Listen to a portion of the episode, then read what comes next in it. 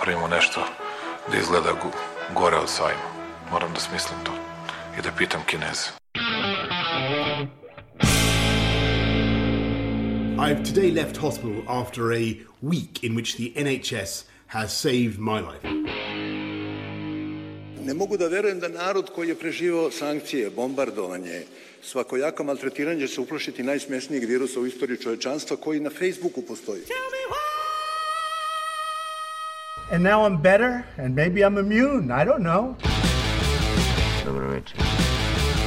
Mene su poslali iz štaba. Ja ću vam pomoći. Aleksandar Kocić Jelena Viser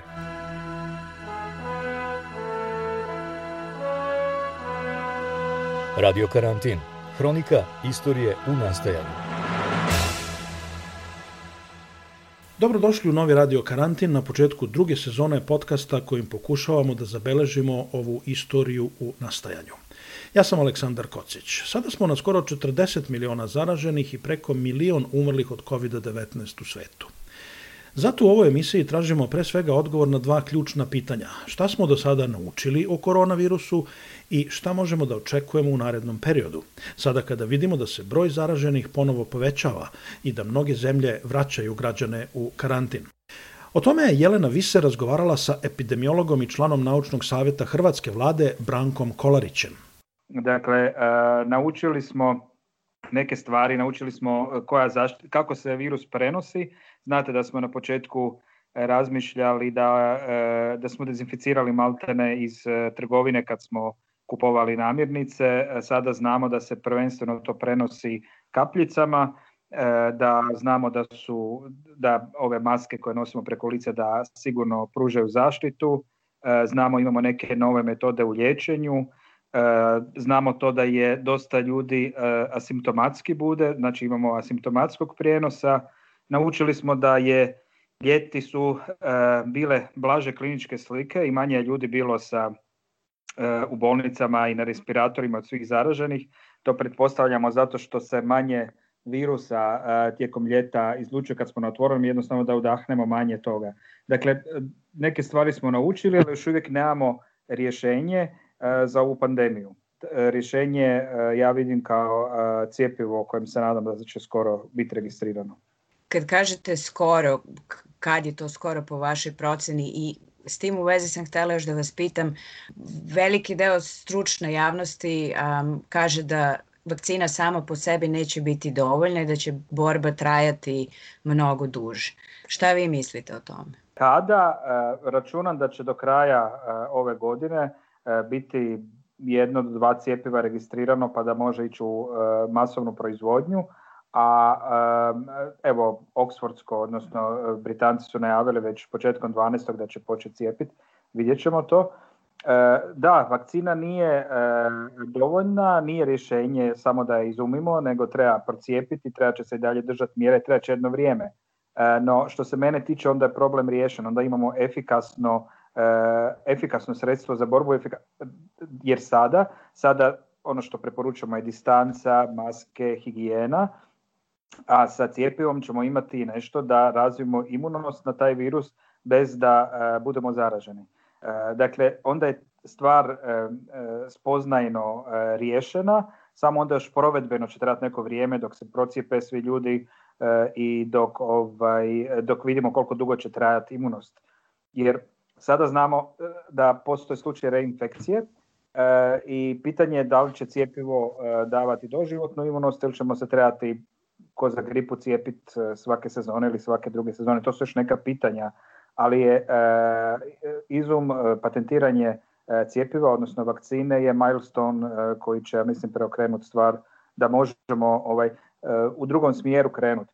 Jer zato, zato ja ljudima i govorim kad kažu iscrpljeni smo, ne da nam se pustimo e, slobodno širenje virusa, pa neka e, se zatvorimo starije e, osobe koje su u velikom riziku, a ostali nastave normalno život. Da nemamo mogućnost cijepljenja, razvoja cijepe, onda bi o tome razmišljao, ali ja vidim da je cijepivo nije tako daleko i da, ovaj, da je to ovaj, ono do, do čega trebamo što manje ljudi imati zaraženih sa što manje štete. S tim u vezi onda šta su otprilike najveći izazovi koje možemo očekivati dok vakcina, odnosno cepivo ne bude um, Pa, ja mogu sad e, komentirati situaciju e, u e, Zagrebu i u Hrvatskoj gdje imamo rekordne brojeve zaraženih, komentirati situaciju u Češkoj. Sa kolegom iz Češke sam se čuo do prije četiri tjedna, oni su imali 500 novozaraženih detektiranih dnevno, Eh, zadnjih tjedan dana su imali 5000 i sada 8000 i eh, zdravstveni sustav se puni eh, jedinice intenzivne njege, nešto sporije nego što je to bilo u zimskim mjesecima, ali sad je 10.10. 10. tek krećemo sa hladnim vremenom, kad očekujemo da bi moglo biti više zaraženih sa težim kliničkim slikama.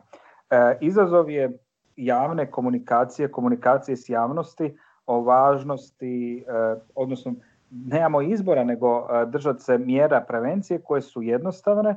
Izazov je kako iskomunicirati to e, u smislu, e, ja imam dojam tu kod nas se stalno se govori u javnosti kako smo iscrpljeni od mjera, koliko nas, dakle imate pokrete cijele koji kaže evo opresivna država, mjere.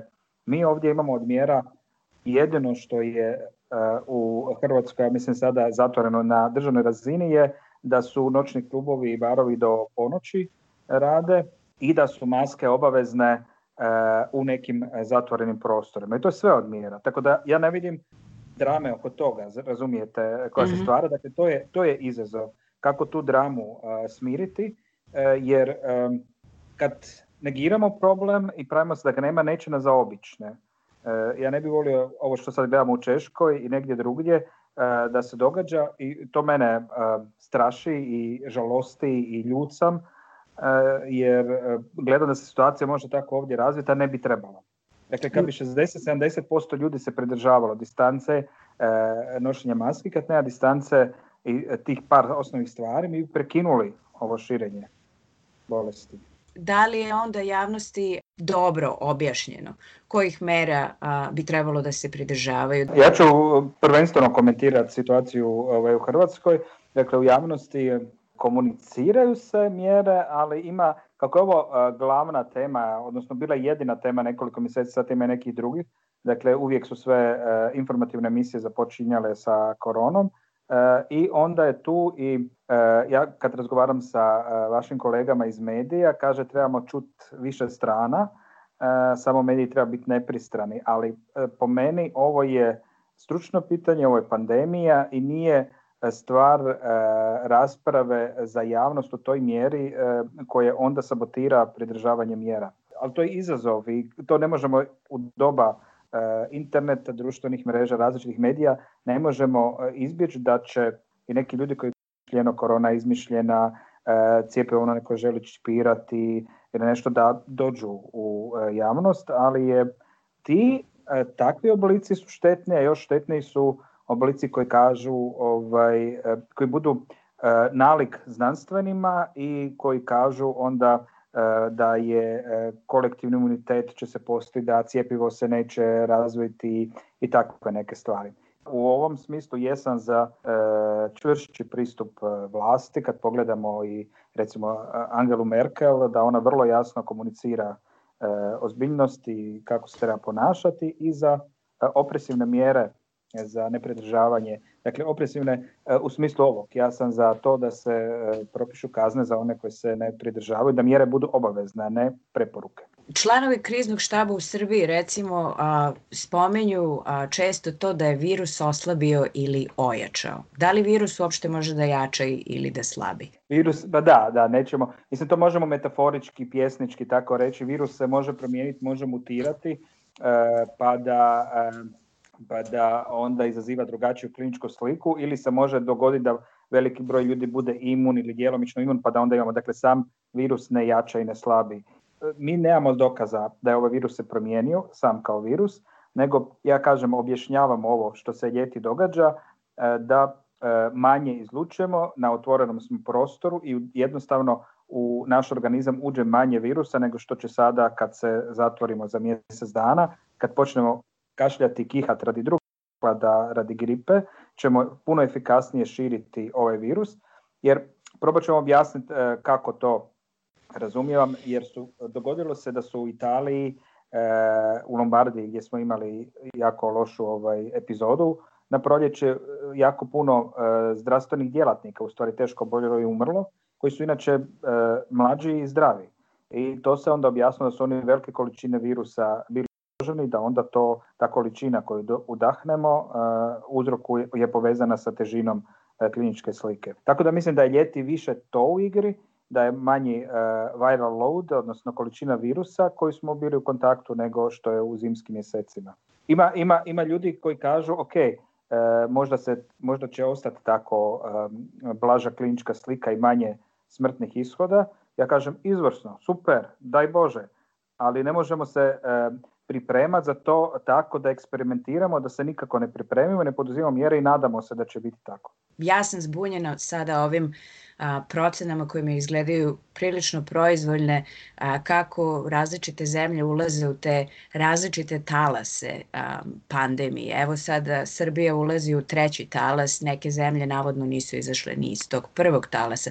Da li uopšte može da se govori na taj način i s tim u vezi, da li svaki sljedeći talas pandemije, odnosno COVID-19 u ovom slučaju, biva slabiji ili jači, intenzivniji ili slabiji? Da, to smo voljeli, e, voljeli bi e, o talasima, odnosno mi kažemo valovi epidemije, mislili smo da će to biti sezonska bolest Eh, pa da će kao što sa gripom eh, se dogodilo španjolskom gripom bio prvi val pa drugi val pa treći no međutim ova bolest je pokazala da nema tako sezonski karakter znači eh, ja zaista nisam očekivao da će po ljeti biti toliko zaraženih tako da je to više manje dogovorno i nije važno kako to zovemo imamo jedno vrijeme kada se povećava broj zaraženih, nekad e, e, pojačamo neke mjere, uvedemo i onda smanjujemo broj zaraženih. Sada da li ćemo to zvati, to nisu klasični e, talasi, odnosno valovi epidemije, kao što se ponašaju bolesti koje imaju jasno sezonsko i sekularno kretanje. Dakle, ova bolest to nema. Samo imamo pojavu jačeg širenja, ubrzanog širenja i manje širenja. Bolesti, u stvari infekcije cijelo vrijeme prisutna. Mi smo na proljeće kad smo radili takozvani lockdown, smo gotovo virus iskorijenili s populacije, ali čim smo e, otvorili ovaj granice, čim su se ljudi počeli kretati, dalje stalno imamo neki broj zaraženih. A što se tiče intenziteta, izgleda da se sada e, širi jačim intenzitetom, jer naravno nema tako strogih mjera, a intenzitet bolesti, ovo što smo pričali, sada ima manje ljudi koji završe u bolnici i manje ljudi koji umru u odnosu na broj zaraženih nego na proljeće i e, bilo bi izvrsno da tako ostane u e, 11. i 12. mjesecu, ali ja se bojim da će se opet ta e, situacija, težina kliničke slike e, pogoršati. Htjela sam da vas pitam u vezi sa ovim R0 ili R0 faktorom, mhm, a, koji se kod nas u regionu slabo nešto spominje. koliko je po vašoj oceni ta varijabla uopšte relevantna? mislim, da je slabo, jer dakle, mi to obično koristimo, to je prosječan broj zaraženih koji jedna osoba proizvede novih. Dakle, R0 e, e, od 2 do 3 znači da bi jedna zaražena osoba zarazila 2 do 3 osobe. No to jako ovisi o mjerama i to, e, taj broj 2 do 3 se odnosi kad je slobodno širenje, kad ne poduzamo nikakve mjere. Mislim da u nekakvom tehničkom i um, u smislu kontrole epidemije to nema neke, neke velike koristi i relativno je komplicirano to izračunati i za to trebate mi, smo, ja isto na nacionalnoj razini ne znam da netko to računa svakodnevno, imamo nekih procjena, e, koristimo se ono što radi London School for Hygiene and Tropical Medicine, ima, imamo tamo našu kolegicu Petru Klepac, pa oni rade i za Hrvatsku. Ali velim, to vam je jasno, kad raste broj zaraženi, R0 je veći, kad e, se broj zaraženi smanjuje, R0 je manji od 1. Angela Merkel je e, na tu temu nedavno izlagala i vidjela sam da je skoro 10 miliona ljudi pogledalo taj mhm. video. Njoj je očito ta, ta referenca važna, pa eto, htela sam i vas da pitam za, za vaše mišljenje u vezi sa tim. Kako vam se čini a sada recimo, spominjala sam vam to ranije, javnost stručnu u Velikoj Britaniji je nedavno potpisala deklaraciju a, kojom se protivi ponovnom nekom uvođenju drastičnih mera za, za suzbijanje pandemije, jer smatraju da bi one bile pogubne po mentalno, dugoročno, pogubne po mentalno zdravlje stanovništva. Kako vi kao epidemiolog gledate na odnos između potrebe da se virus stavi pod kontrolu koji dakle uključuje i bitno ograničenje kretanja ljudi i sve glasnijeg zahteva da se život vrati u to neko pređašnje business as usual stanje. Ja čitajući tu deklaraciju sam došao kasnije do podataka da se radi o, da ide stoji ekonomski institut, čini mi se američki, možda se varam, i da je dosta tih znanstvenika koje je to potpisalo da su lažni. Ovaj. Dakle, to, ta, ta deklaracija nema, molim vas da vi još provjerite ovaj, malo pa izvijestite vaše i naše slušatelje oko toga, ali mislim da, da tu stoji isto jedan dio koji treba provjeriti. I ja uvijek govorim da nikome nije drago ovo što se događa, ali negiranjem nećemo, nećemo da problem nestane.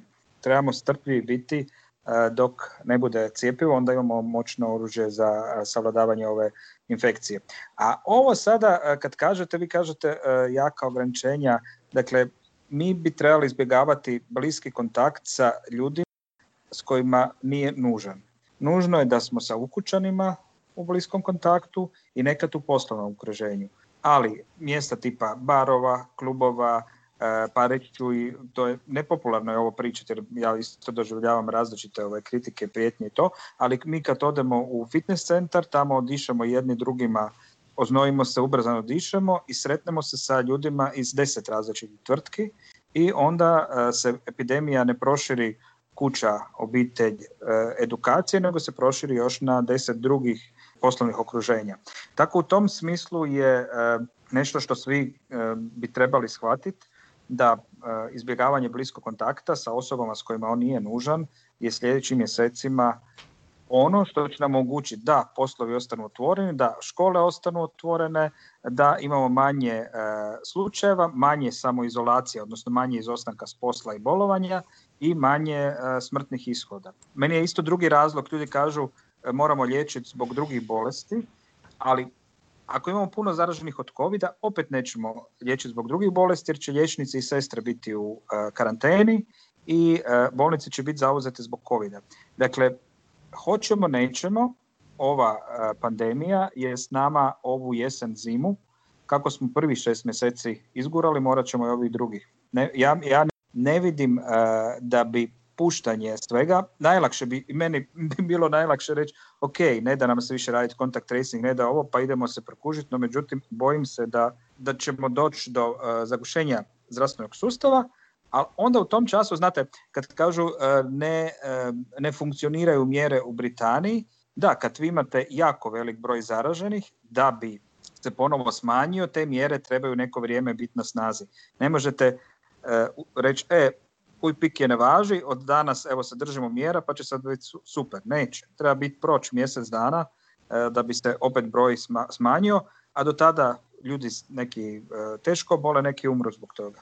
Ako prihvatimo pretpostavku, teoriju, zapravo sada već negdje i uvreženo mišljenje da će epidemija biti, pandemija biti još dosta za naših života čak, kakve su sistemske mere potrebne da bi se u buduće te pandemije eventualno predupredile, odnosno uspešnije i efikasnije stavljale pod, kontrolu, pored ovih koje ste sada naveli? Nažalost, na to se sustav e, ne može pripremiti. Dakle, ovo, niko se za ovo nije mogao pripremiti, e, niti nitko nema kapaciteta, ni jedan zdravstveni sustav najbogatiji pustiti ovo e, i dogod, da sustav kolabira.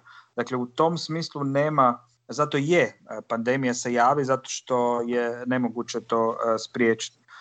One se, ja se nadam da smo mi za našeg života odradili jednu ovakvu, e, jer zadnja prije ovakvih razmjera koja je blokirala svijet je bila španjolska gripa, koja je imala još i puno više umrlih i mjere su bile poprilično slične kao što su i danas. Dakako da će nas ovo osvijestiti e, o tome što smo mislili da su zarazne bolesti, neki kažu, e, neki su mislili da su zarazne bolesti riješene, nisu. Mi svake godine imamo jednu novu zaraznu bolest, otkrijemo, a ovakvih razmjera, velim, ovo se jednom u sto godina ovaj, e, događa.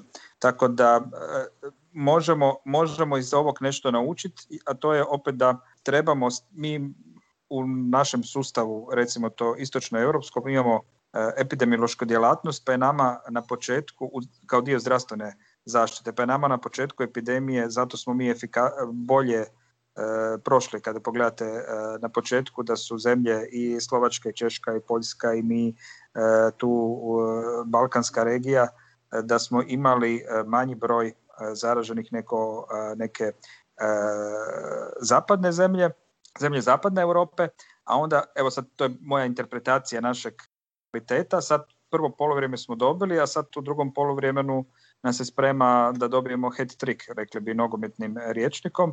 Dakle, tu je, tu je e, zrelost društva potrebna da sada izdržimo još i ovo drugo polovrijeme. Tako da, velim, generalno ovo će nas naučiti da su zarazne bolesti ovdje, da ćemo opet razvijati e, službe epidemiološke i e, to je to. Jer mogu samo još dodatno da vas pitam u vezi sa ovim track and trace a, sistemom koje su mhm. neke države manje ili više uspešno uvele a, tokom pandemije. Takav potez uvođenja ovih, ovog sistema je naišao na negodovanje prilično velikog broja ljudi, i uz argument da se time grubo krše osnovna građanska prava, pre svega pravo na privatnost. A koliko je po vama kao naučniku ovaj sistem koristan i efikasan?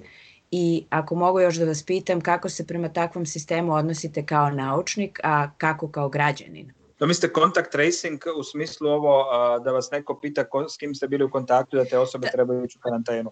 Tako je, to, su uglavnom aplikacije koje ljudi bi trebalo da ugrade u telefone. Da, i u Izraelu je recimo bilo to ekstremno. naša sagovornica za ovu prvu emisiju je izrazito izričito protiv tog sistema. To je aplikacija koju posle a država koristi, zapravo ne zna se gdje sve ti podaci i završe da li, da li se ti podaci posle brišu. Dakle, tu se stvaraju teorije zavere i paranoje i svega tu ima. Ali ako pođemo od, tom najčist, od tog najčistijeg jeli, motiva da se prosto zaraza suzbija, kakav je vaš stav prema tome kao naučniku? Koliko koristi to?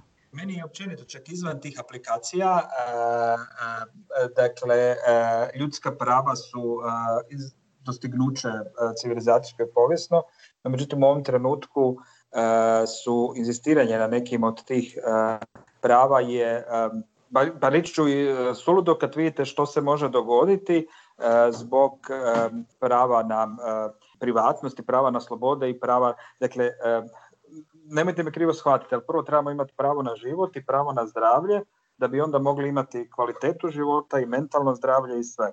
To je, to je pitanje, radi se o epidemiji, pandemiji i e, radi se o tome da se mora pristupiti, moramo pristupiti tome kolektivno. Po pitanju, naravno da sam za, da ja ne volim da netko e, svojim podacima barata neovlašteno, no velim, nisam vidio da su se takve rasprave vodile oko dijeljenja na društvenim mrežama, dijeljenjem na ovim platformama eh, Google, pa Facebook ili kako se sve to zove. Dakle, od toga da kad naručujemo hranu, da, da ovu eh, dostavu hrane, gdje završiti podaci, da li se uništavaju eh, i tako. Tako da meni je jasna i odredba ova GDPR o zaštiti podataka, ali ovdje se radi o populacijskom zdravlju.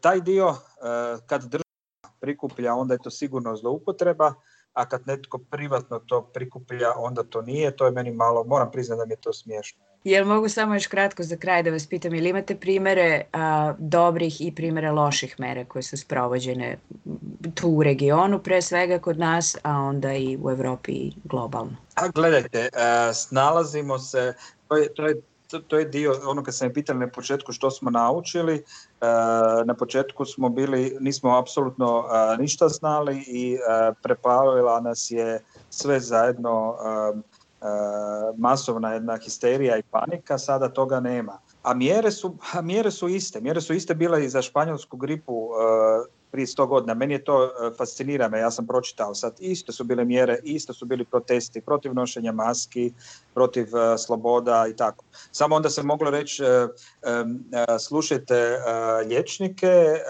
i to je mislim da nas danas fali i da je veliki problem što se ekspertiza i mene kad netko pita da ja objasnim nešto, nažalost ja bih rekao evo završi fakultet, daću tu literaturu, pročitaj pa ćeš razumjeti pa onda možemo Eh, oko nečeg raspravljati jer eh, ono što radi recimo eh, američki predsjednik je loše, loše za znanost i loše, loše ja mislim za društvo. Evo, to, je, to, to, bih ja rekao kao loše što vidimo u ovoj pandemiji je narušavanje onog što nam je bio jedan čvrsti uporište u društvu, a to je povjerenje u znanost i nemamo, nemamo, nemamo, ja mislim, boljeg stupa Eh, da bi to rješavao i naravno da treba preispitivati, ali preispitivanje se radi ne u trenutku krize, nego u trenutku ovaj, mira.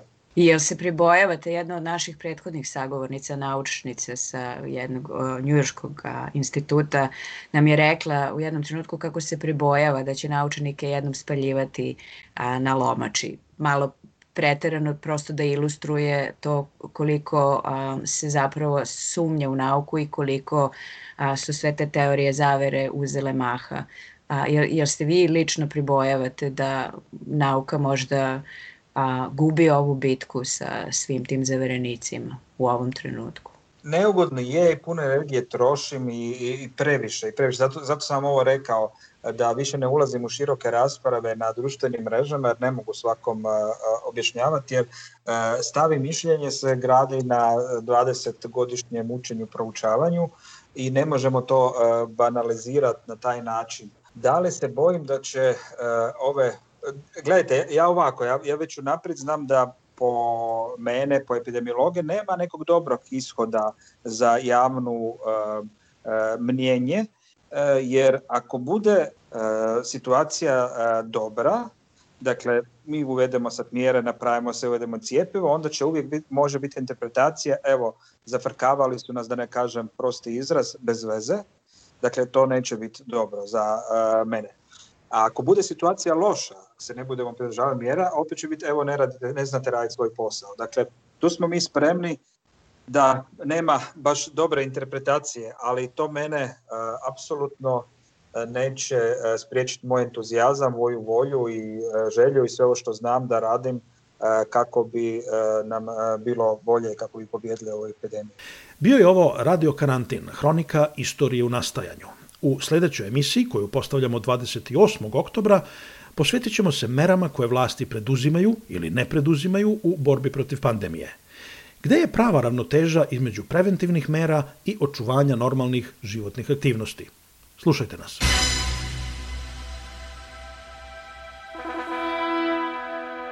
Moramo da napravimo nešto da izgleda gore od sajma. Moram da smislim to i da pitam kineze. I've today left hospital after a week in which the NHS has saved my life. Ne mogu da verujem da narod koji je preživao sankcije, bombardovanje, svakojako maltretiranje će se uplašiti najsmesnijeg virusa u istoriji čovečanstva koji na Facebooku postoji. And now I'm better and maybe I'm immune, I don't know. Dobro večer. Mene su poslali iz štaba. ja ću vam pomoći. Aleksandar Kocić Jelena Viser